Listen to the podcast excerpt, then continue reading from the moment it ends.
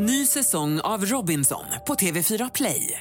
Hetta, storm, hunger. Det har hela tiden varit en kamp. Nu är det blod och tårar. Fan händer just nu. Det. Detta är inte okej. Robinson 2024, nu fucking kör vi! Streama söndag på TV4 Play. Hej och varmt välkommen till ett nytt avsnitt av Livshjulet med mig Anna Hegerstrand. Vi har kommit fram till avsnitt 231 och den här veckan gör jag en återblick med en tidigare mycket uppskattad gäst. Det är alltså den alltid så peppande och inspirerande hälso och tv-profilen Mårten Nylén som gästar mig nu tre och ett halvt år efter sin senaste medverkan. Och vi pratar om hur livet har utvecklats för honom sedan sist vi sågs.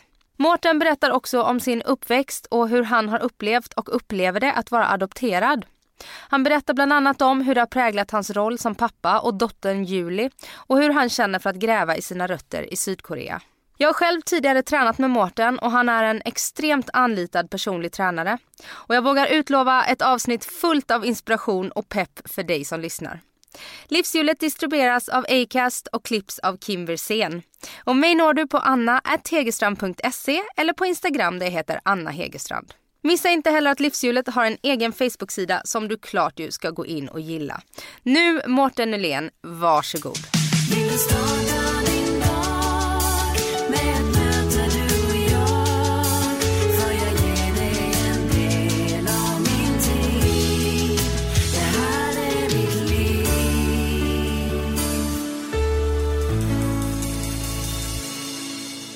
Mårten, välkommen tillbaka till Livshjulet. Mm, tack så mycket. Hur mår du idag? Jag mår superbra. Jag tycker det är så roligt att du är tillbaka. Ja, det gör jag också. Ja, det Verkligen. förra gången för tre och ett halvt år sedan. Jag kan säga exakt datum, det var 23 april 2014.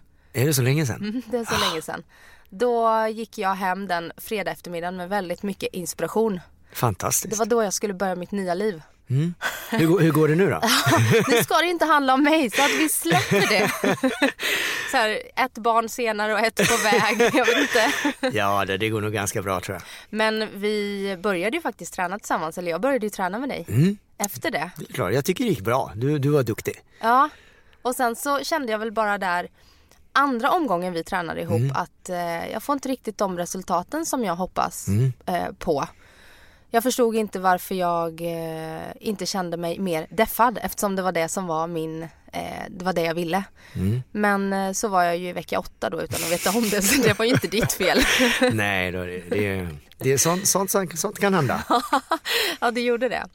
Och, och efter det så har jag eh, inte kommit igång med träningen som jag skulle vilja. Mm. Jag har eh, byggt upp kroppen men inte kommit igång och nu så får jag väl vänta lite till. Ja, hå- hålla igång kan man ju alltid göra. Ja, men det man, gör. Lite Men- andra förutsättningar. Jag vill ju hålla en viss nivå. Det är ju det. Men nu ska vi inte prata om mig, vi ska prata om dig. Ja. Och vad som har hänt de senaste tre och ett halvt åren, bland annat i ditt liv. Oh, det blir ett långt avsnitt det här. Ja, men jag har tid och det tror jag lyssnarna har också. Ja, nej det har hänt massor faktiskt. Mm. Eh, jag vet inte riktigt var man ska börja bara. Jag, jag, eh, ja, det har hänt massa saker. Jag, jag kommer inte ens ihåg vad som hände då. Så att, Du var tränare för det gröna laget i Biggest Loser då. Åh jäklar, ja, det, var, Mm. det var så länge sedan. Ja, exakt, det var nog min sista säsong tror jag som jag gjorde med Biggest Loser. Mm. Eh, och sen flyttade jag över till ett nytt tv-program som heter Ninja Warrior. Mm. Och det här, eh, egentligen den stora anledningen till, till flytten var väldigt mycket på grund av att jag ville, eh, jag ville försöka liksom bekämpa ett problem. Just det här med stillasittande. Och jag märkte det här, jag har själv en dotter som är 11 år idag och just det här som barn och ungdomar, eh, de sitter still så otroligt mycket. Och det är inte bara barnen utan det är även vi vuxna. Och någonstans där problemet har blivit väldigt utbrett. Så att, så att just det här med Ninja Warrior så kände jag det som att man kunde försöka skapa mer rörelseglädje. Att försöka liksom få människor att eh, faktiskt tycka det är kul att röra på sig. Och eh, jag har gjort nu två säsonger med Ninja Warrior. Jag eh, hoppas på att det ska bli en tredje säsong såklart, men man vet aldrig. Ninja Warrior har blivit megastort i hela världen nu. Så att eh, jag var i USA precis och eh, så fort folk fick reda på att jag var, var eh, experten och programledaren i Ninja Warrior så var det ju, det var ju, ja fasiken, det var stort. Ja. Och det är ett, var kommer konceptet från från början? Det är ett japanskt koncept som, eh, som börjar i Japan. De har gjort, eh, jag tror det är typ 33 säsonger nu. Och eh, det är väldigt många länder som det här konceptet finns i idag. Och vi har ju då gjort två säsonger i Sverige och det roliga med det här det är ju att det är bara sex personer i hela världen som klarat av hela banan. Varav då det är fyra japaner och två amerikaner. Så att eh, vi i Sverige vi får vänta lite till men eh, om Japan har gjort 33 säsonger och det är bara fyra som klarat det då, då kanske det är helt rätt att vi får vänta lite till. Och du gjorde ju det här programmet med Adam Alsing och Karin Frick. Ja exakt. Adam var, var eh, ankaret kan vi kalla honom för och Karin var reporter. Så att det hade ett jäkla bra team där. Ja, jag tänkte precis säga det. det är ju, Adam kan ju vara en av Sveriges absolut mest erfarna programledare. Ja. Och Karin är ju jätteduktig Ja, också. Eh, hur var det för dig? För du har ju gjort TV innan i Mm. Biggest Loser. Men du har ju inte haft den här programledarrollen utan du har blivit coachad egentligen. Ja, exakt. För mig var det ju fantastiskt att ha Adam där. För just det här med att eh, kommentera, det är ju också någonting helt nytt. Att man då ska liksom kommentera vad folk gör och det enkla för mig var väl kanske att berätta hur folk skulle göra eller vad man ska tänka på och vad man kan träna. Men just det här liksom med att, att hålla igång själva kom, konversationen och allt det här. Adam är ju fantastisk och jag vågar också påstå att han är typ den bästa just när det kommer till det. Han är så otroligt erfaren och jag tror han, han kunde sätta saker på, på sekunden. Det, var, det här ska vara 12 sekunder och han satte det prick på 12. Det här ska vara 7 sekunder och han satte det pr- prick på 7. Så att eh, jag kan ju säga han räddade mig några gånger där också. Ganska många faktiskt. Ja, men det var skönt. Jag Ja. har ju jobbat som gästbokare när han hade sitt eget program, sin Mm. egen show. Och det var ju ibland, det skulle vara två gäster om dagen. Mm. Och det var ju ibland som någon bokade av och man fick slänga in någon i sista sekund. Ja. Och ändå kunde han då sitta där eh, förberedd. Trots Ja. att han kanske hade fått manuset och frågorna eh, bara någon timme innan. ja. Eh, och det krävs ju eh, många, vad är det man säger, 10 000 timmar att bli proffs. ja exakt och sen han har nog mycket talang också just det här med komma ihåg ord och ändra ord. Han är otroligt allmänbildad också. Det är han. Mm. Men du har ju eh, din kunskap och talang som du bidrog med i programmet. Ja exakt, jag, jag är ju, jag är ju så här träningsexpert och hälsoexpert kanske man kallar mig oftast. Just det här med så att jag skulle ju bidra egentligen med vad man skulle tänka på för att klara av ett hinder. För att alla människor är olika. Och det är ju precis som i livet här att vi möter olika hinder, vi möter olika motgångar. Där det handlar någonstans om att lära känna sig själv för att veta vad våra styrkor och svagheter är. Och det är just då vi vet hur vi ska hantera oss själva för att just ta oss förbi ett hinder. Och det är, ju, det är ju det som var så roligt med det här programmet för att det handlar om funktionalitet. Att det handlar inte vem som väger mest eller väger minst eller vem som är starkast. Utan det handlar någonstans om att, om att kunna eh, känna sig själv och kontrollera sin kropp. Och det är ju väldigt mycket också, det är inte bara kroppen utan det är psyket och det mentala. För någonstans där så, så är det en helhet och det tycker jag är roligt just när det kommer till funktionaliteten och helheten att man någonstans behöver känna sig själv väldigt bra. Så att det, det var ett otroligt roligt eh, projekt att göra. Och du har varit på TV4 nu och gjort Biggest Loser, du har varit på kanal 5 gjort Ninja Warrior. Mm. Hur ser det ut eh, med TV och så framöver? Är det någonting du, du sa att du hoppades på en tredje säsong. Men Ja. är det liksom TV som du vill jobba med? Ja, jag har ju fastnat för det. Jag, jag har ju faktiskt precis startat min, eh, mitt nya projekt eh, på Youtube som heter Ninja Life. Och eh, jag kommer liksom att göra massa olika grejer. Jag kommer att besöka massa intressanta människor och ta upp eh, viktiga och intressanta ämnen. Mitt första tema kommer faktiskt vara att jag ska leta upp världens bästa träning. Så att eh, nu har jag redan flängt runt, jag ska inte avslöja för mycket, men jag har flängt runt i USA, eh, varit i New York, Los Angeles, sticker till Los Angeles imorgon igen faktiskt. Varit i Paris, varit i London, varit i Holland. Men det kommer bli Asien, det kommer bli Sydamerika också och mm, ganska roliga ställen faktiskt. Och vilken är den bästa träningen hittills då som du stött på? Ja hittills, ja, det, det kan jag säga så här, det, nu får ni gå ut och kolla på den här eh, Ja såklart. Ninja Du kan Life. tisa lite. Ja exakt, jag ska tisa lite men jag hittade otroligt bra träning i New York och eh, faktiskt också i, i London. Och London-episoden är inte släppt nu när vi spelar in det här men eh, den episoden tycker jag folk verkligen ska se. Det är ett väldigt ambitiöst projekt känner jag. Att du reser runt för att spela in de här eh, Youtube-videorna? Mm, men det här är ju mitt intresse.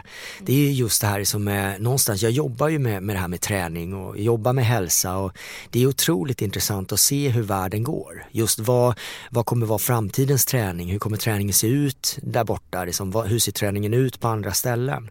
Och det är just det här också att man i mitt jobb, jag kan ta och plocka det bästa ur alla världar och sätta ihop för att jag någonstans ska kunna uppgradera mig själv.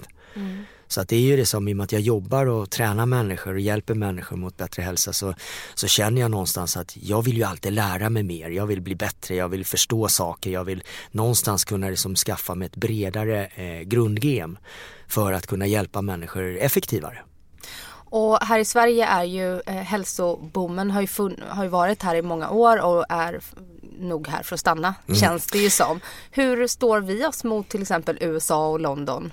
Vi, vi i Sverige, vi, har, vi är väldigt högt klassade. Vi, vi har otroligt bra kunskap, eller vi har mycket kunskap. Sen ibland så kan man ju också kanske bli lite förvirrad av när det finns för mycket saker som, som eh, sägs och, och så här. Men, men just det, jag tycker det här är som att om man någonstans plockar fram det här sunda förnuftet och tittar på sig själv, vad man själv vill och vad man själv står, då blir det väldigt bra.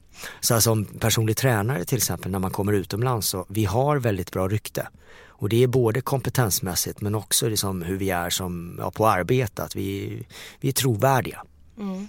Och du har, jag har ju tränat själv med dig och eh, jag stötte ju på den ena eh, kändisen efter den andra i omklädningsrummet. Ja. Eh, när jag skulle byta om. Eh, och vet att du är väldigt omtyckt. Det är bra. Ja. Vad är det som gör dig till en så bra personlig tränare? Om du får säga det själv. Ja, det är alltid svårt när man ska säga det själv men, men jag, jag bryr mig om människan. Alltså för mig kommer alltid människan i första fokus. Det handlar inte om vem du är eller vad du gör. Utan det handlar någonstans om vad man vill skapa och någonstans vad man är beredd att skapa. Så att det, för mig spelar det Jag har ju tränat alla möjliga och jag tror att det är både på internationell basis, svensk basis, eh, elitidrott författare som är bäst i världen på olika saker. Men, men för mig, det, det är människor som kommer in, människor som vill för, göra en förändring, så människor som vill göra en förbättring. Och det är det som är grejen där, att man tittar på rätt faktorer. För många de kanske tittar på en faktor, två faktorer, men det kanske inte alltid är de som spelar störst roll. Utan det handlar ju om någonstans om att liksom veta var, var ska jag starta, vad behöver jag göra? Att inte dra saker till eh, det extrema, för det behöver man oftast inte göra. Och oftast blir det bara värre för att då skapar det stress och förvirring. Och någonstans där att skapa balans istället och titta på var behovet ligger. Och också det här med syfte och varför. Att jag tycker det är viktigt att man någonstans har med sig just det här med hälsobegreppet. Och jag definierar alltid god hälsa med att må bra inifrån och ut och kunna känna sig glad. Mm. Och eh, du har ju dina PT-kunder och sen har du gjort TV, sen mm. föreläser ju du väldigt mycket också. Mm. Hur ser liksom fördelningen ut i, i ditt arbete idag? Ja, det är, det är lite olika beroende på period men jag föreläser väldigt mycket nu faktiskt. Eh, föreläsning har blivit en, en personlig grej för mig faktiskt för att eh, just det här med att stå och tala inför folk, det var en av mina största rädslor.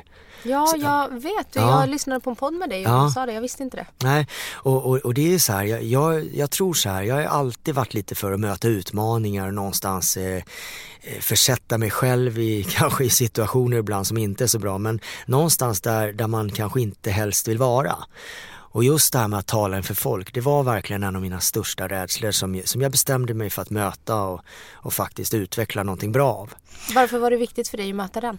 Eh, jag kände så här, jag, jag förstod inte varför jag var rädd för det. Och, och, jag förstod inte varför min kropp reagerade så, att jag började svettas och kände mig så här darrig på rösten och började må dåligt. Och jag tror det är många, många faktiskt som, som känner så.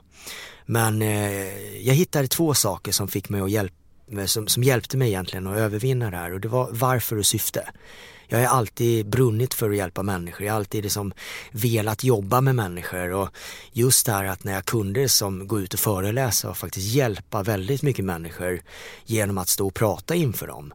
Så eh, det blir mycket mer värdefullt. Så att eh, det hjälpte mig otroligt mycket. Och i början kanske det inte var, då kanske det inte var de bästa föreläsningarna jag gjorde men man blir ju bra på det man tränar på. Just nu så i och med att det är så mycket föreläsningar, jag har väldigt mycket bokningar. Så eh, jag känner mig väldigt, väldigt trygg där uppe. Och jag vet att jag gör väldigt bra grejer för folk. Mm. Hur mycket skulle du säga att du jobbar? lagom, tror jag. Eh, ja, ja, men jag tycker det. Det, det. det handlar ju om energibalans väldigt mycket, om att inte ta på sig för mycket grejer. Dygnet har 24 timmar för alla människor. Men jag tror att många människor de, Eh, de gör väldigt mycket saker som, eh, som man kanske får känslan av att man måste göra.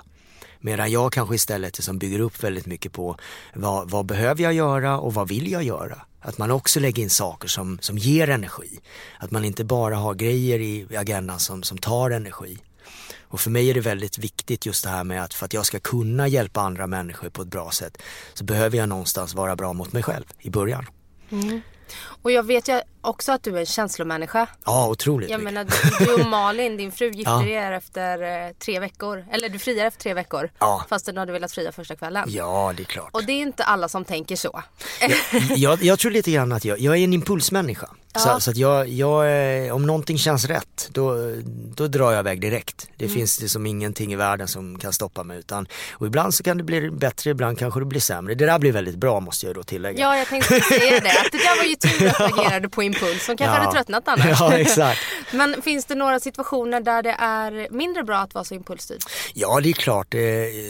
Det man ska tillägga med mig det är att jag, jag tror inte riktigt på, på slumpen. Jag, jag, jag tittar alltid på helheten. Jag, jag, tror ändå att jag är ganska så strategisk med saker och ting. Men eh, det är klart det som att jag har gjort ganska mycket eh, så här, eh, dumma resor kanske ibland. Jag älskar att resa.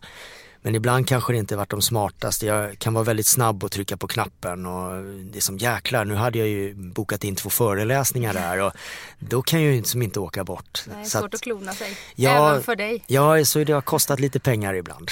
ja, det är ekonomiskt. Det blir, det blir dyrt att vara så impulsstyrd. Det kan vara dyrt ibland. ja, och jag vet ju att om vi ska prata om just det här med att, att du verkligen skapar din egen situation mm. och, och, att du vill göra grejer för att må bra mm. för dig och mm. inte saker som du tänker att du måste göra. Mm. Du har ju sagt att man ska skapa sin livsstil och att man måste ta kontroll över sitt liv. Mm. Och det är ju det är jättefina ord men hur gör man det? Jag, jag tror på enkelhet. Det, det, det som, vi människor är otroligt bra på många grejer men, men speciellt så är vi lite för bra på en grej. Och det är att göra saker mer komplicerade än vad saker egentligen behöver vara.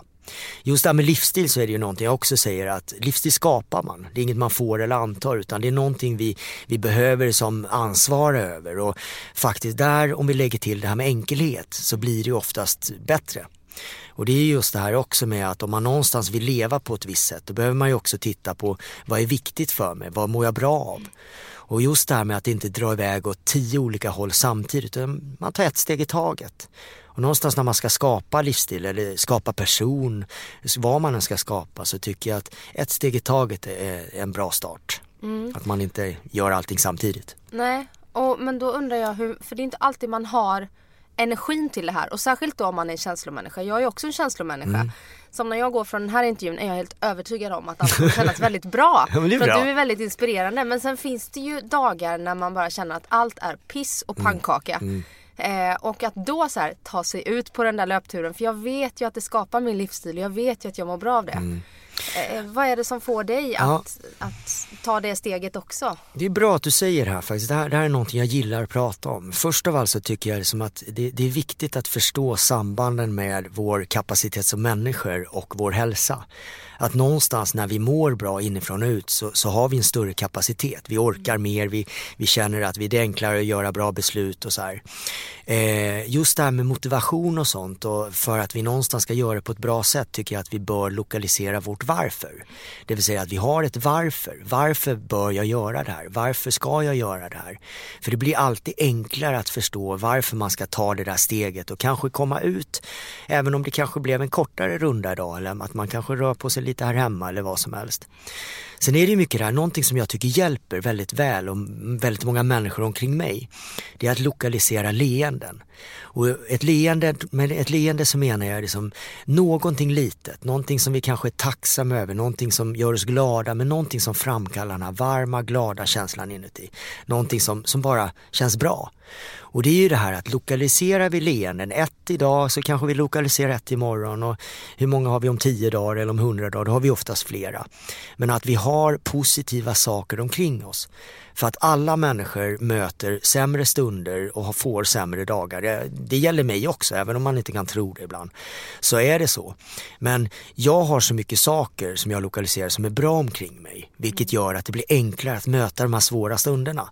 Så för mig är det mycket det här som att jag, jag, jag kan titta på massa bra saker som jag är tacksam över, som, som bara gör mig glad. Jag kan göra någonting som gör mig glad.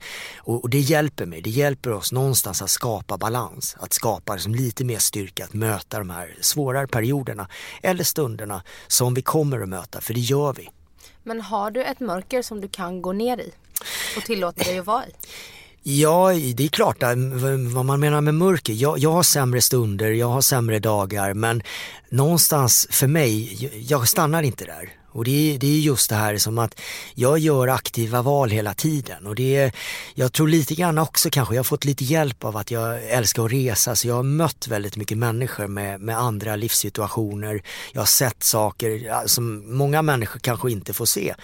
Och, och, för mig, det hjälper mig ganska många gånger att kanske vara tacksam över de små grejerna. Mm. Men just det här är som är att faktiskt lokalisera de bra sakerna vi alla har omkring oss. Och kanske som saker som vi någonstans många gånger tar för givet. Att det här är bra saker som, som vi har. Men eh, det är lätt att ta, ta saker för givet. Det är lätt att bara gå förbi dem där.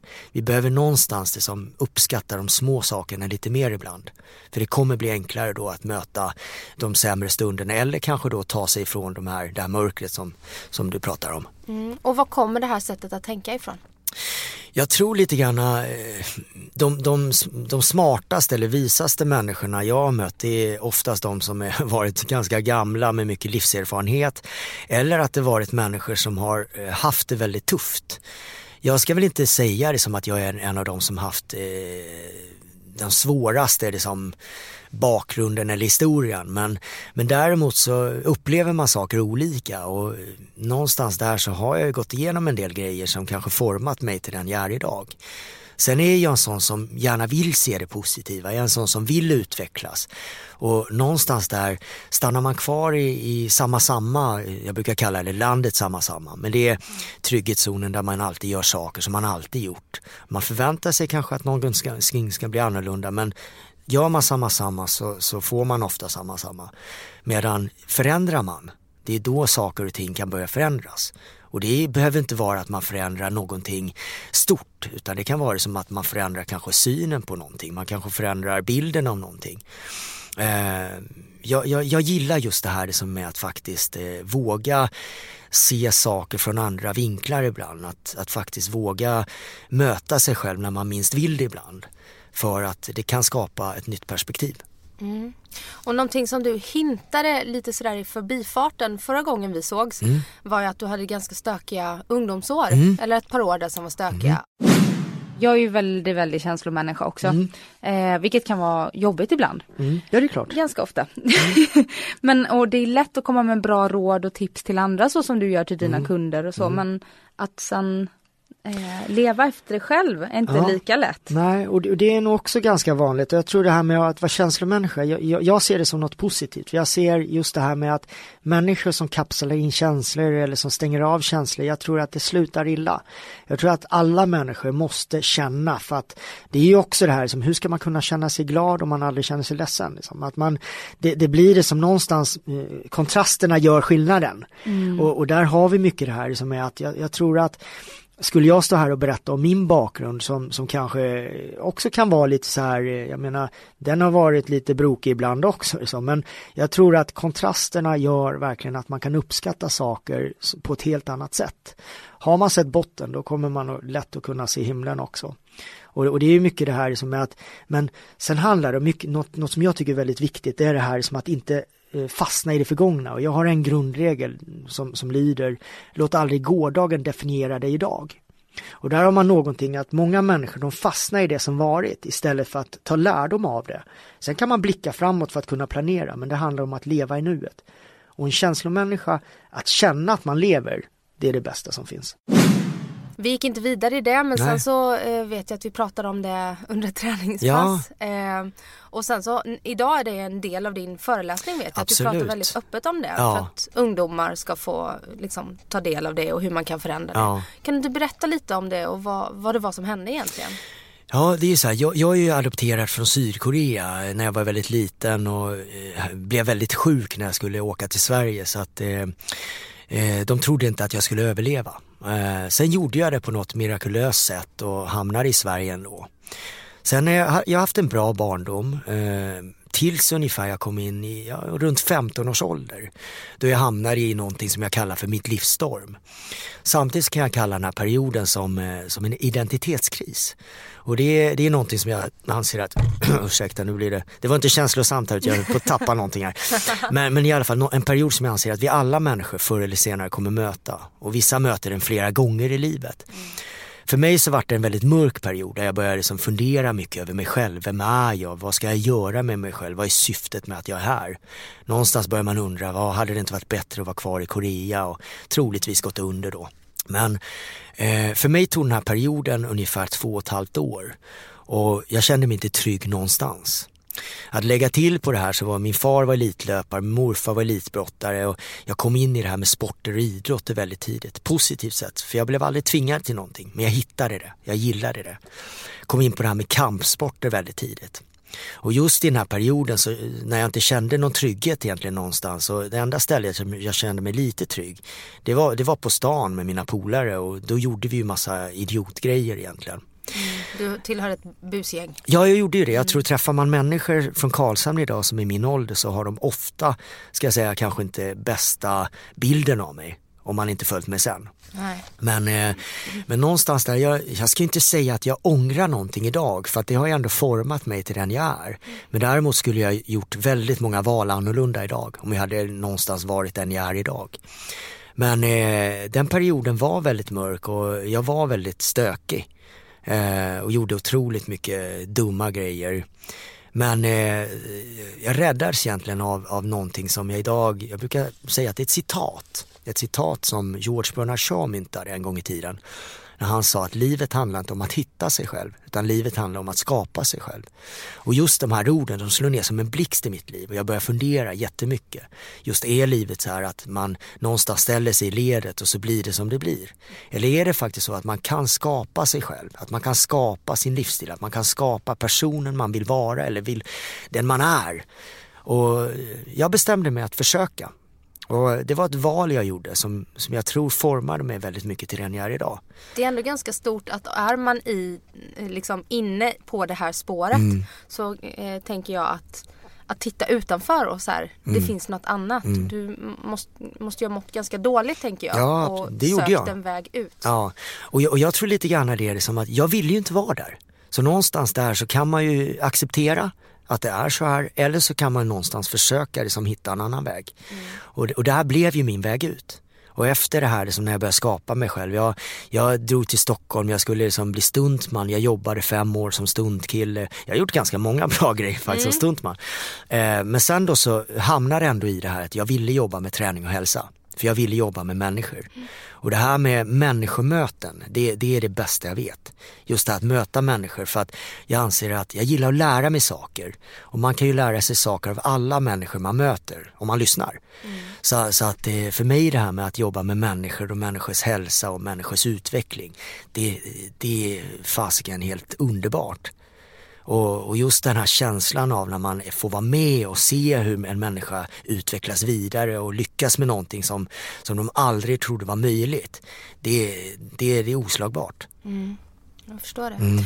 Eh, Har du någonsin känt eller har du varit tillbaka i Sydkorea och träffat någon släkt där eller sökt upp dina rötter därifrån? Nej, jag, jag har faktiskt aldrig varit riktigt intresserad av det. Eh, jag tror att det kan vara att jag var väldigt liten när jag åkte till Sverige. Sen har jag väl känt mig ganska så, så rotlös någonstans. Jag kom på mig själv när de frågade mig, ja, var kommer du ifrån? Och jag bara, ja men jag är, jag är från lite här och där. Eh, en period så fick jag för mig att ja, men det var någon mm, som var från Tibet som kom fram och sa, du har typiskt tibetanska kindben, så du måste vara från Tibet. Man börjar fundera, som, var, var kommer man ifrån egentligen? Men, men samtidigt så har jag alltid känt mig lite hemma där jag är. Så att för mig har det inte spelat någon roll egentligen var jag bott eller var jag har varit. Utan jag tror det är därför jag gillar att resa så mycket också. Men eh, Sydkorea nu, sista året har jag faktiskt börjat eh, bli lite intresserad. Inte av var jag kommer ifrån och så här, eh, ut, utan mer kulturen och liksom, eh, jag, jag vill veta lite grann mer kring är det någonting som jag kommer känna igen om jag åker dit? Och, och, det är också sådana grejer att eh, jag har en vän till mig nu, en nära vän som sa till mig eh, Mårten, om du åker till Sydkorea så kommer du förstå massa grejer som du inte, jag kan inte förklara det nu men vissa bitar kommer falla på plats. Och då blev jag nyfiken. Så att jag, jag har planerat att åka nästa år. Ja, vad häftigt. Mm. Och hur skulle du säga att det har präglat ditt, eh, din roll som pappa? För du har ju en dotter, Mm. Juni, som är 11. Mm, juli, ja. Juli. ja. Det är, ja, det är månader. Ja, men precis. Det var nästan. Juli är 11 år. Ja. Hur har det präglat eh, eh, din roll som pappa? Just det här att du eh, är adopterad själv. Har det präglat dig? Ja, för mig, det, det tror jag att det har. Jag, för mig är det otroligt viktigt med familjen. För mig är det otroligt viktigt just det här som är trygghet, att Julie ska känna sig trygg och, och just eh, att jag alltid finns där. Eh, det borde ju vara en självklarhet för alla föräldrar som egentligen, men, men för mig så tror jag att det har blivit en väldigt, eh, en väldigt viktig grej. Eh, och så så jag, jag vill verkligen att hon alltid ska det som, känna det som att jag, jag finns där varje sekund. Även om hon eh, bor i Lund eh, och i Stockholm.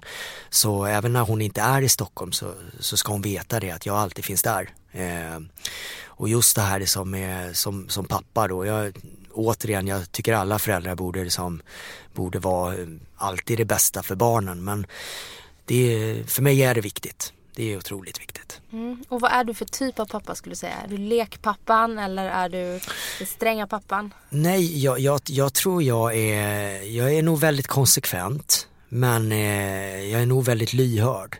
Sen så tycker jag det som att jag bygger ju väldigt mycket på det här med leenden. Så, så för mig är det viktigt just det här att skratta mycket och ha kul ihop och just det här som är att eh, skapa bra stunder. Och det är också som det kräver ju också så här, vi lever ju i en väldigt digital värld. Vi lever ju i en värld där många människor kan stressa lite för mycket. Men man måste, man måste våga stanna upp ibland och faktiskt bara vara. Och, och det tycker jag också är viktigt med, med barn. För att barn de, de uppfattas otroligt mycket mer än vad vi, vad vi egentligen tror. Och barn gör ju definitivt inte som vuxna säger utan de gör ju som vi gör. Så att det gäller ju att vara en bra förebild också. Hur tänk, för du har ju själv en ganska stor Instagram med över 50 000 följare. Eh, och jag vet också att du inte tycker det är jättekul med Instagram. Ett nödvändigt ont. Nej men du tycker det är kul att lägga upp men du är ingen junkie som sitter och scrollar. Nej, Hur, hur ställer du dig själv till eh, om Julie ska ha Instagram? Har hon det? Nej hon har, inte, hon har varken Facebook och Instagram och hon eh, ska inte ha det på ett tag till. Nej. Men, eh, Snart är hon tonåring. Ja, jag vet, vet och hennes kompisar har så här. Eh, men jag är förälder fortfarande. Jag, jag, jag tycker att det gäller att, att skapa en sund bild för det. Jag, jag var faktiskt en av de största motståndarna till sociala medier i början. Eh, men sen så upptäckte jag liksom att både att det fanns en knapp som hette avfölj men också liksom att man kunde ju också skicka ut bra grejer. Och en av anledningarna tror jag till att faktiskt folk, eller många följer mig idag, det är just för att jag varje morgon så lägger jag upp någonting, någonting, som ska försöka hjälpa människor till att skapa en positiv start. Att starta med ett leende. Och det är ju också så här, jag försöker någonstans hjälpa människor och ge folk motivation och inspiration till, till att skapa bra energi omkring sig. Och, och jag tror att det behövs idag för att det är så, eh, många gånger kan det bli lite så här egocentrerat och det kan bli det som att det blir väldigt extremt och sånt medan jag, jag vill hålla det hälsosamt. Jag vill, jag vill hålla det på en bra nivå. Om folk ändå liksom jag tycker inte, man bör inte stoppa tekniken för det, det är någonstans, eh, man kan göra någonting bra av det istället. Men däremot så är det ju också en stor, det är ett ansvar man har. Också liksom om man någonstans kan påverka väldigt mycket människor. Så för mig så vill jag någonstans ge människor någonting vettigt, någonting bra. Och det är klart det som, eh, ni som lyssnar där ute, nu ska ju inte jag vara den som är den utan gå in på snabel av Martin Nylén. och då kommer ni få se bra grejer. Följ. ja exakt, man kan ju avfölja ifall det inte är rätt Ja. också. Nej men det är ju så, det vet ju jag eh, att när man vaknar på morgonen Mm. så är det ju alltid ett inlägg av dig där för du är ju alltid uppe före alla andra. Du går ju upp fem. Ja, jag, jag går nog upp lite innan fem, men jag har gjort det hela mitt liv. Och, och för mig är det lite grann, jag tror också, vi har två grejer som jag tänker på. Den ena grejen är att jag anser att vi alla har en kreativ stund på, på dygnet. En stund när vi någonstans är som mest kreativa. Min är på morgonen. Den andra grejen, det är just den här morgonstunden för mig. Det är min egen tid. Det är så här, det är en stund när typ ingen har vaknat. Ja det finns ju såklart några där ute men det är väldigt få. Småbarnsförälder. Ja exakt, de, ligger, för de har inte ens somnat. Nej, exakt. Ja, nej, men, nej, men det är för, för mig så är det lite det här att jag, jag får en stund för mig själv. Där jag kan göra någonting. Jag startar alltid mina dagar med två grejer. En positiv tanke, jag tänker alltså på någonting positivt. Och jag gör en positiv handling. Det vill säga att jag gör någonting som, som får mig att känna mig glad. Och det kan vara vad som helst. Det kan vara att jag sätter på en, en bra musik. Eh, Det kan vara att jag liksom kanske läser en bok några minuter. Det kan vara att jag går och tränar. Det blir oftast att jag går och tränar och gör något fysiskt. Men, men just så här att eh, vad som helst egentligen. Som egentligen att man gör någonting bra. Och då undrar jag, för det finns ju också väldigt många eh, träningsförebilder där ute, influencers. Mm. Tjejer som ser otroligt bra ut som egentligen har byggt upp konton med så här, en halv upp till en miljon Mm. följare på att Ja men hålla en kettlebell fast det är ju såklart inte övningen som är i fokus utan Nej. det är ju att eh, de är supersnygga. Mm. Och i en, när jag är i en lite sämre period så mår ju inte jag bra av att se det här. Mm. Avfölj. ja, avfölj, det har jag faktiskt gjort. Men i en bra period så kan jag ju känna, ja ah, den, det där är motivation liksom. Mm. Vad tycker du om hela den grejen? De har ju blivit liksom de nya superstjärnorna Ja. kan man ju säga. Och, och det, det, är ju, det är så det funkar. Vi människor, det, tittar man på hur tv-världen ser ut idag också så kanske det är många program som man verkligen kan ifrågasätta varför de funkar. Men just det här det som är, vi behöver ju ta ett ansvar att vi väljer ju vad, vilka vi vill följa. Vi väljer ju vad vi vill titta på. Det är inte alltid lätt. Och, och det är ju det här att livet är en levande process med bättre och sämre stunder. Och det, det är ju någonstans där bra att vi ändå kan välja. Men det får ju inte liksom, saker, skulle det skapa en stress då, då skulle jag faktiskt hellre som inte eh, kanske slå på och titta på Instagram när jag har en sämre period.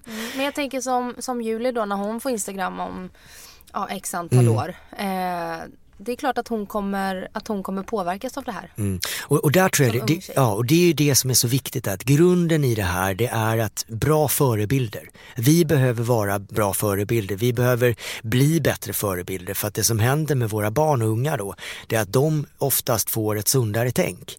Och det är någonting, jag har precis faktiskt startat en, en webbsajt nu, en webbmagasin med min hustru Malin här som heter imready.se. Och det är anledning till det, det var framförallt för att just den här hälsodefinitionen har blivit lite skev ibland. Och det har blivit lite så här extremt antingen åt ena hållet eller åt andra hållet. Så, så vår målsättning är ju det som att försöka ge människor någonting som är lite sundare. Att man pratar om hälsa på ett sunt sätt. Det handlar kanske inte om vem som är snabbast eller starkast eller som vem som har magrutor utan det handlar någonstans om att alla är bra som de är. Att vi någonstans behöver titta på vad behöver vi göra för att må bra på riktigt. Och, och just det här det som är Instagram och förebilder och sånt. Jag anser att det är framförallt därför jag finns på Instagram nu. För att jag vill vara en bra förebild. Jag vill någonstans det som se till att det inte bara finns massa av det här som kanske är liksom stressar människor eller ger en skev bild av saker och ting. Utan jag, jag, jag vill vara den här förebilden, jag vill vara den här personen. Kan jag hjälpa så kommer jag göra det. Och sen nu känner jag ju Malin också. Mm. Men hon är ju en väldigt, hon är ju också en träningsprofil. Eh, och hon är ju en väldigt sund förebild när det Mm. kommer till det. Hon är ju inte alls i det segmentet. Nej, och det, det är ju det, här, vi är ett bra team jag och Malin och, och där är vi ju så här som att man måste någonstans det som titta på vad, vad har jag för styrkor, vad har jag för svagheter och eh, jag har alltid sagt det, var expert på sin plats och det är ju så här ett starkt team består ju inte bara av en person utan det består av många olika. Precis som att om man tittar på I'm Readys uppsättning så är det otroligt många duktiga människor men som har olika kompetenser. Och det är ju det som kommer göra det som att det blir ett starkt team. Och vi, någonstans tror jag också att där kan man göra en större skillnad för, för andra människor när man någonstans blir fler. Pratar vi förebilder så behöver vi bli fler bra förebilder i vårt land och egentligen i hela världen. För att det kommer hjälpa nästa generation som kommer växa upp och vi vill ju att de ska bli friska, sunda och glada framförallt. För i annat fall så kommer ju världen att falla sönder efter ett tag. Och då tänker jag så här, du är ju PT, du föreläser, du reser eh, världen över. Ja. Eh, och det är eh, Youtube-kanal, Ja. nystartad Youtube-kanal. Och så nu iamready.se. Ja, det kände, kommer mera. Jag klämmer in det. vad, vad var liksom den starka motivationen till att starta den här sajten? Jag har tänkt på det här i fem år eh, och det är framförallt också när man har sett hur just hälsodefinitionen har, har ja, vilket håll det har gått åt. Så för mig så, jag vill göra skillnad. Och just det här liksom med att jag har suttit med Malin väldigt länge nu och hon är extremt duktig på att skriva och någonstans organisera och jag har ju någonstans, jag når ju ut till människor och eh, idag när jag pratar om hälsa och sånt, det är någonting, folk lyssnar.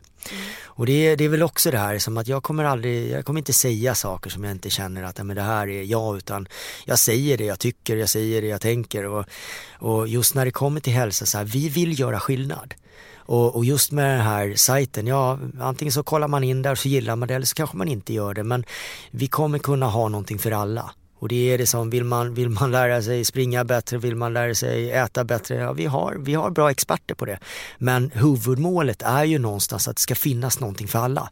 Så att någonstans är vi olika och har man svagaste länken med maten eller har man svagaste länken med stressen eller har man svagaste länken med träningen eller sömnen så ska det någonstans vara enkelt att hitta bra information. Och det, det är det vi vill göra och det känns verkligen som att det finns ett behov där ute. Vilket gör att det känns otroligt hedrande och kul att faktiskt liksom släppa iväg det här projektet nu. Mm. Men, men jag, jag är ju en sån här, jag är ju en idéspruta men däremot väljer jag vad jag, vad jag ska göra. Är det du hemma som får vara idésprutan då och så landar Malin projekten? Eller? Jag tror vi, vi, vi, vi samarbetar. Eh, sen, sen, eh, hon- brukar vara lite yvig om, om man, ni får tolka mig rätt nu och jag, jag är lite mer så här konkret. Så jag kan vara, jag är den här som, jag skjuter inte iväg tio, tio håll samtidigt eller, utan jag, jag är det som väljer mina och kanske, ja vi tar en sak i taget. Jag gillar det här med ett steg i taget. Eh, för det brukar bli bättre så. Sen, sen är det ju så här som att eh, vi är båda kreativa men på olika sätt. Och det gör ju som att vi blir ännu starkare i det. Så att det, och sen då med vårt team som också är kreativa. Det, det, vi har ju handplockat de här experterna så att det är ju det som människor som, alltså det, det är bara bra folk. Och alla har hjärtat på rätt ställe och de har samma syn på hälsa som vi har. Vilket gör det som att vi kommer ju som stega åt samma håll. Och vi kommer ju bara låta det här teamet växa så att någonstans, målet är ju liksom, min första tanke var att göra världens effektivaste hälsoteam. Och det kan ju låta lite kaxigt men någonstans börjar man med ett steg i taget. Vi får se var det slutar. Vi sitter kanske här om tre år igen och vad vet jag. Då kanske vi har en annan historia att berätta. Du, innehåll, du är ju stolt innehavare av världsrekordet i att få någon att gå ner i vikt. Har du fortfarande det rekordet? Ja. Under Biggest Loser? Säg så här, jag, jag har bland världens största siffror i Biggest Loser, alla länder, alla säsonger. Inte den största siffran, men eh, det är ju mycket det här också, ni, ni, ni som vet, ni vet. Eh, det handlar ju om någonstans, kanske inte om hur mycket folk går ner i vikt egentligen. Utan det handlar någonstans om att, att göra en stor förändring. Och det Men ju, fortfarande så är det ju otroligt eh, så här, eh, fascinerande att en människa kan gå ner jag menar över 15 kilo på en vecka. Det är Ja, ändå så nej, fysiskt fascinerande. Ja, jag brukar ju sitta så här som att min sista säsong då drog jag ner Kristos eh, 80 kilo på fyra och en halv månad och Sara nästan lika mycket och det, det är ju så här det som är att eh, själva viktnedgången och förändra en kropp och sånt det, det är, nu, ska jag, nu kan det låta konstigt, det är skitenkelt. För dig som slipper eh, som inte har något behov av att äta jättemycket. Ja, nej, men, nej, men det, och att det det ska vara gott. Ja, jag, tror, jag tror lite grann, ja, jag har kanske lite annorlunda, men jag har ju mina saker som jag jobbar med. Men just det här med att göra förändringar, det är inte det som är svårast. Utan utmaningen ligger alltid i att förändra beteendet och framförallt synen på sig själv, egenvärdet.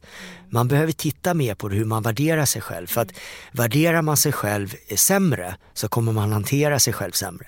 Värderar man sig själv bättre kommer man alltid hantera sig själv bättre också. Så att det handlar om att bygga värde, att någonstans öppna ögonen för människor. Jag pratar många gånger om eh, en skitig spegelbild. Att, man har, att folk går runt med skitiga speglar och, och med det menar jag då att folk inte riktigt ser sig själva som man bör. Att man någonstans, alla är värda att må bra, alla är värda att hantera sin hälsa bra. Men det är många som kanske inte gör det så bra. Vad har du för relation med, dina, med de tidigare deltagarna som du hjälpte där i ett startskede? Jag, jag har väl kontakt med vissa. Jag, jag har faktiskt till och med sagt till alla att de kan höra av sig till mig när de vill. Eh, ja, efter Biggest Losers, alltså ja, typ livet ut. Och jag kommer alltid finnas där för vi har, man har fått ett, man har skapat ett speciellt band. Men däremot så har jag också lagt ansvaret på dem. Så att det är också som så här att man, de behöver börja ta ansvar eh, för att det ska funka. Mm. För annars kommer det inte funka i längden. Och det är, det är ju någonstans det som eh, ett ansvar som vi egentligen alla människor har. Vi ansvarar över vår egen hälsa med det vi kan påverka. För det finns ju även saker som vi inte kan påverka. Men om vi tittar på alla de grejerna vi faktiskt kan påverka och förändra, då, då det är ganska mycket. Så att eh, jag hörs med vissa av dem, jag hörs inte med alla. Men eh, jag finns där för alla. Mm. Och din egen träning, du är ju 42 år idag. Nej för fan, jag, är, jag är 16 i huvudet, jag är, är 20 i kroppen och så okej okay, jag är 42 på pappret då. och det, om vi ska ta siffran på pappret då, okay då. vi, utgår från den. Då tänker jag ju så här att när man jobbar med kroppen eh, som redskap så som du gör. Mm. Eh, känner du av liksom att, som för 20 år sedan, det är klart man är fysiskt eh, man har fysiskt bättre förutsättningar genetiskt när man är yngre än när man är äldre. Känner mm. du att du får träna på ett annat sätt idag eller att eh, eh, ja, att du måste ta hänsyn till, till din ålder helt ja, enkelt. Mm, jag skulle ljuga om, om jag sa att man inte förändras. Kroppen förändras, det gör den. Men däremot så handlar det också om att skapa förutsättningar och att någonstans vi skapar oss själva. Eh, sköter vi om oss själva, det, det är som en maskin. Om du sköter om den så kommer den hålla längre än om du inte sköter om den. Mm. Och, och, vår kropp är ju en fantastisk maskin. Så att, så att det handlar ju väldigt mycket om hur vi sköter om oss själva, hur vi underhåller oss själva. Eh, jag skulle vilja säga någonstans, där jag skämtar om att min, min mentala ålder är väldigt ung och att min kropp är också ganska ung. Jag, jag tror faktiskt det att jag är, skulle vi kolla min ålder på min kropp så skulle den nog inte bli så gammal. Ja. Utan eh, jag sköter om mig väldigt bra och jag, jag har alltid sagt, jag har ett koncept som jag döpt till smart träning som jag liksom egentligen åker runt om i fasken hela världen nu och jobbar med.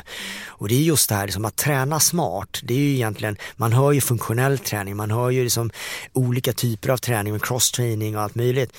Jag anser att eh, det handlar någonstans om att eh, titta på vad har jag för utgångsläge, vad har jag för förutsättningar och träna smart därefter. Vad vill jag uppnå? Att man någonstans, det som att det finns ett upplägg för alla, det, det kanske inte är så smart och just det här som att gasa på och trycka gasen i botten om man kanske haft ett långt uppehåll, det är kanske inte heller så smart. Det är precis det man vill göra då. Ja, fast, fast det, det, det bästa tipset för det, det är att hellre titta på resultatet. Mm. För någonstans där, det är så jag jobbar. Jag brukar säga så här, vad vill, du, vad vill du helst göra? Vill du trycka gasen i botten för att det känns bra eller vill du få ett asbra resultat, ursäkta uttrycket. Eh, och då blir ju folk ändå, ja men jag vill ha ett bra resultat. Okej, okay, då ska vi träna smart, för mm. där har du resultatet. Annars kan du göra som du, som du kanske brukar göra, tryck gasen i botten och sen så kanske du lägger av efter två, tre veckor, som det brukar vara. Mm. Så att, att titta på resultatet, att titta på att lokalisera sitt varför, det är återigen en bra grej. Mm. Och om vi går tillbaka till, till din och Malins eh, sajt I am ready. Mm. Eh, vi pratade lite om, för ni har ju jobbat ihop ganska länge. Ja, sen vi träffades. Sen ni träffades, ni är ju team Nylén. ja.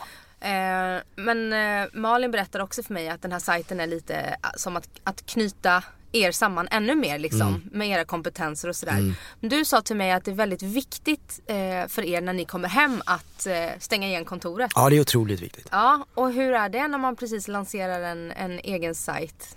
Ja, det, det, finns ju, man kan ju ställa in saker på auto. Ja.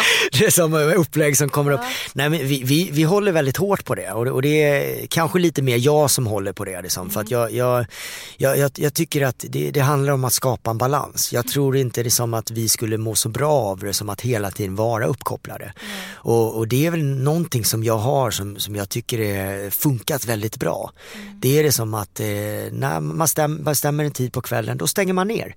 Det är, skulle vi jobba dygnet runt, skulle hjärnan jobba dygnet runt, då skulle man kanske få svårare att sova, man skulle kanske liksom få sämre resultat, vilket är kanske inte är så bra. Man, mm. man skulle nog må lite sämre, få försämra sin kapacitet. Så att just det här som är att faktiskt eh, jobbar vi tillsammans måste vi kunna liksom lämna jobbet tillsammans också. Och det är ju så här, vi har ju också så här regler med det som att, regler det kanske låter fel, men vi har gjort ett val att, att lämna så här elektronik utanför sovrummet. Eh, mm. Att vi någonstans, det som, ja datorer, telefoner, de stängs ner efter en viss tid. Sen såklart ibland så kan det vara att det finns någonting som, som gör att man behöver ha det som någonting på, men, men vi är väldigt bra på det. Och det, det, är mer för att någonstans skapa mer kvalitetstid, att någonstans skapa effektivare människor som känner sig glada. Mm. Och vad skulle du säga är det som gör att er relation funkar så bra. För jag upplever ju utifrån som ändå känner er mm. lite. Mm. Jag får julkort från er. Och ja de, det är klart. de är ju, det är inget vanligt julkort liksom. Så att ni är väldigt lekfulla ihop. Ja. Så jag antar att det bidrar väldigt mycket. Men vad skulle du säga är liksom Nyckeln till er att, att, ha, att ha kul ihop. Vi, vi, vi utvecklas tillsammans eh, och vi har roligt ihop. Det är, det är ju så många som bara ses och så fokuserar man på alla saker som åh, oh, vad jobbigt. Jag säger så här, men lägg in mer, mer galna grejer behöver inte vara dåligt galet utan det kan vara som, vi, vi är kanske lite eh, galnare än vad andra människor är men om vi tar pratar om julkort och grejer. Men, men just eh, nej, vi, vi gillar att ha kul mm. och, och, det är så här, vi gillar att ha kul tillsammans. Mm. Och det, det tror jag är ett vinnande koncept. För att någonstans det här som att skapa bra stunder tillsammans, det tror jag är som, det är som att skapa leenden. Att man någonstans har massa bra saker omkring sig. Och inte bara de här grejerna, ja fasken nu måste vi göra ditten och datten. Utan, utan fasken, det här, det här var roligt. Mm. Och så har ni två, två små lurviga bebisar mm. tillsammans också. Två hundar, eh, Ninja och Nitro ja. ja. Och, och, det är, det är, de, är, de är lika galna de, eller så tror vi att de är det. Men eh, de är mysiga. Mm. Ja. ja, det är full fart. De var med när jag fikade med Malin Det var inte en lugn stund kan jag säga. nej, nej men, det, men det är ju så. Man, har man, hon har alltid de där hundarna med sig och, och det, är, det är väl tur att inte jag har det, jag, i och med att jag reser så mycket. Mm. Men, eh, men någonstans där, det är, det är en liten galen familj. Bostad är den tredje tårtbiten vi ska prata om. Mm. 1 till 10. 1 till 10. Hur, hur menar man när man betygsätter dem? Är det hur nöjd du är med saker eller mer? Ja precis, du bor i lägenhet ja. nu. Du kanske drömmer om hus eller så trivs du jättebra i din lägenhet. Du kanske vill uh, ha ett boende Nej, fan, utomlands. Jag, triv, jag trivs eller? jättebra.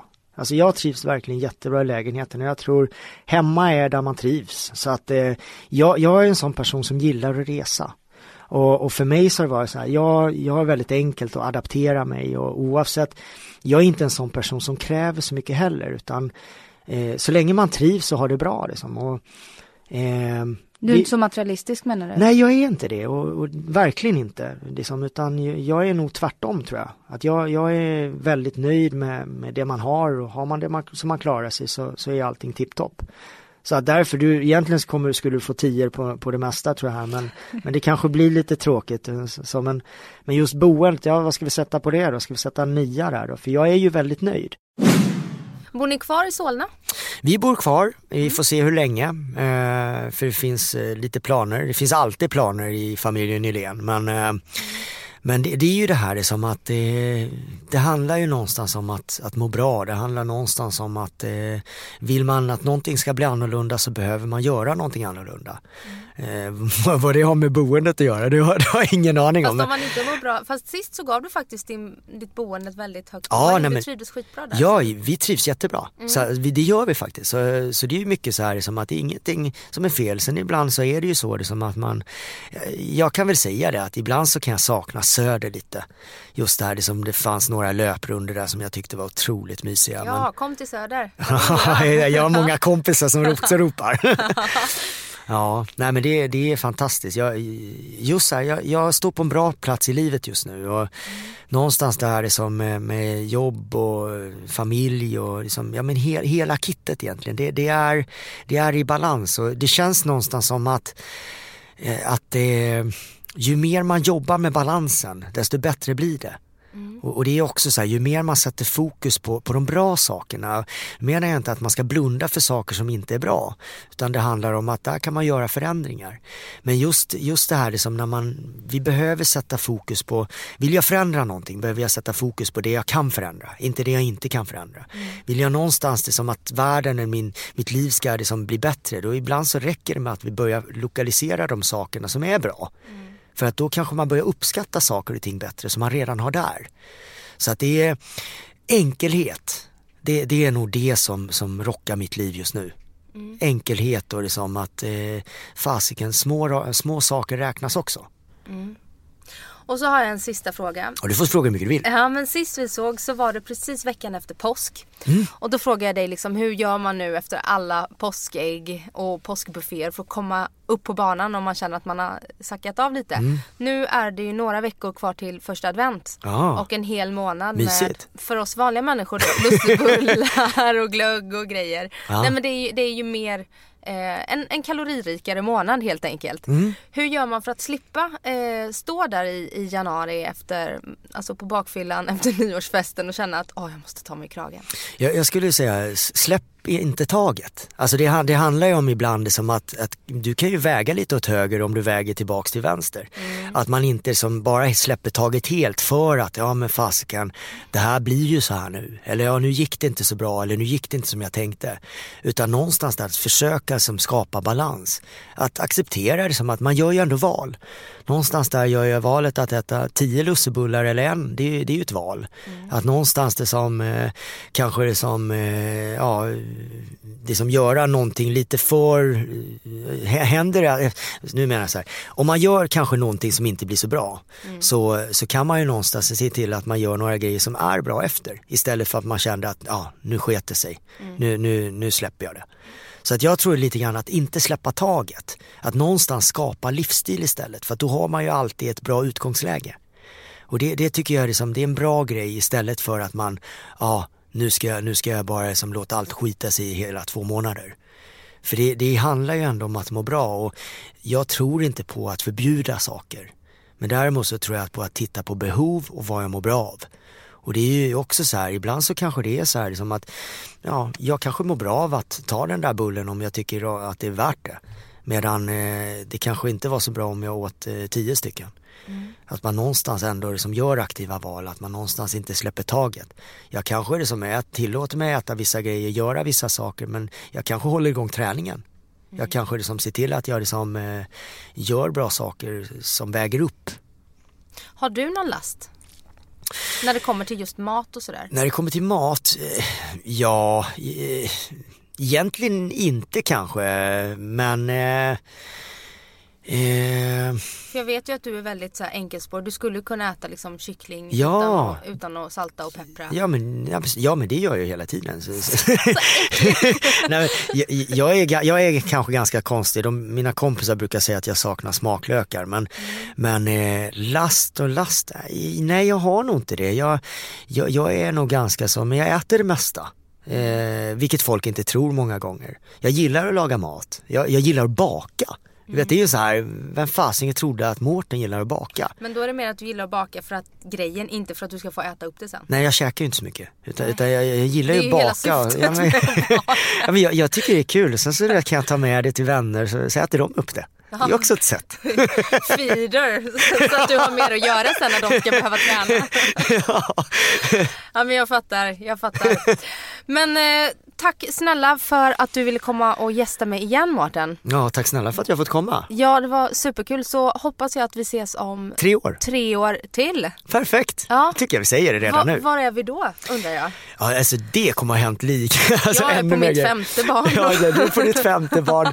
Jag, jag tror jag reser mer än någonsin. Nej, jag tror lite grann så här om, om tre år så kommer jag vara ännu mer balanserad. Det kan låta lite kaxigt här men jag mm. tror faktiskt det. Jag tror att vi, vi har etablerat eh, ännu mer bra grejer. Alltså min, min, stora målsättning, min stora, min stora driv det, det, är att hjälpa människor, möta människor, förändra för människor. Mm. Och, och, det är det, jag, jag jobbar stenhårt för det.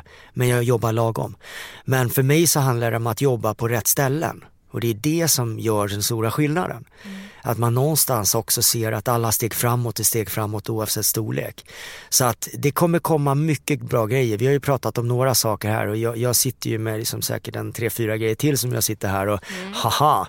Men eh, jag tror inte ni kommer missa det ändå så det är bara, ja, håll utkik och eh, jag tror ingen missar det. Nej. Och som sagt, Mårten Nylén på Instagram. Eller hur, vi ses där. Hej då Mårten. Ha det bra, tack. Hej.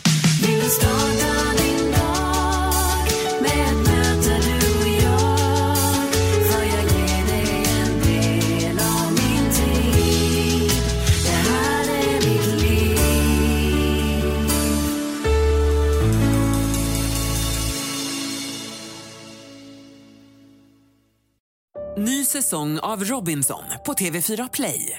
Hetta, storm, hunger. Det har hela tiden varit en kamp. Nu är det blod och tårar. Fan händer just det. det detta är inte okej. Okay. Robinson 2024, nu fucking kör vi. Streama söndag på TV4 Play.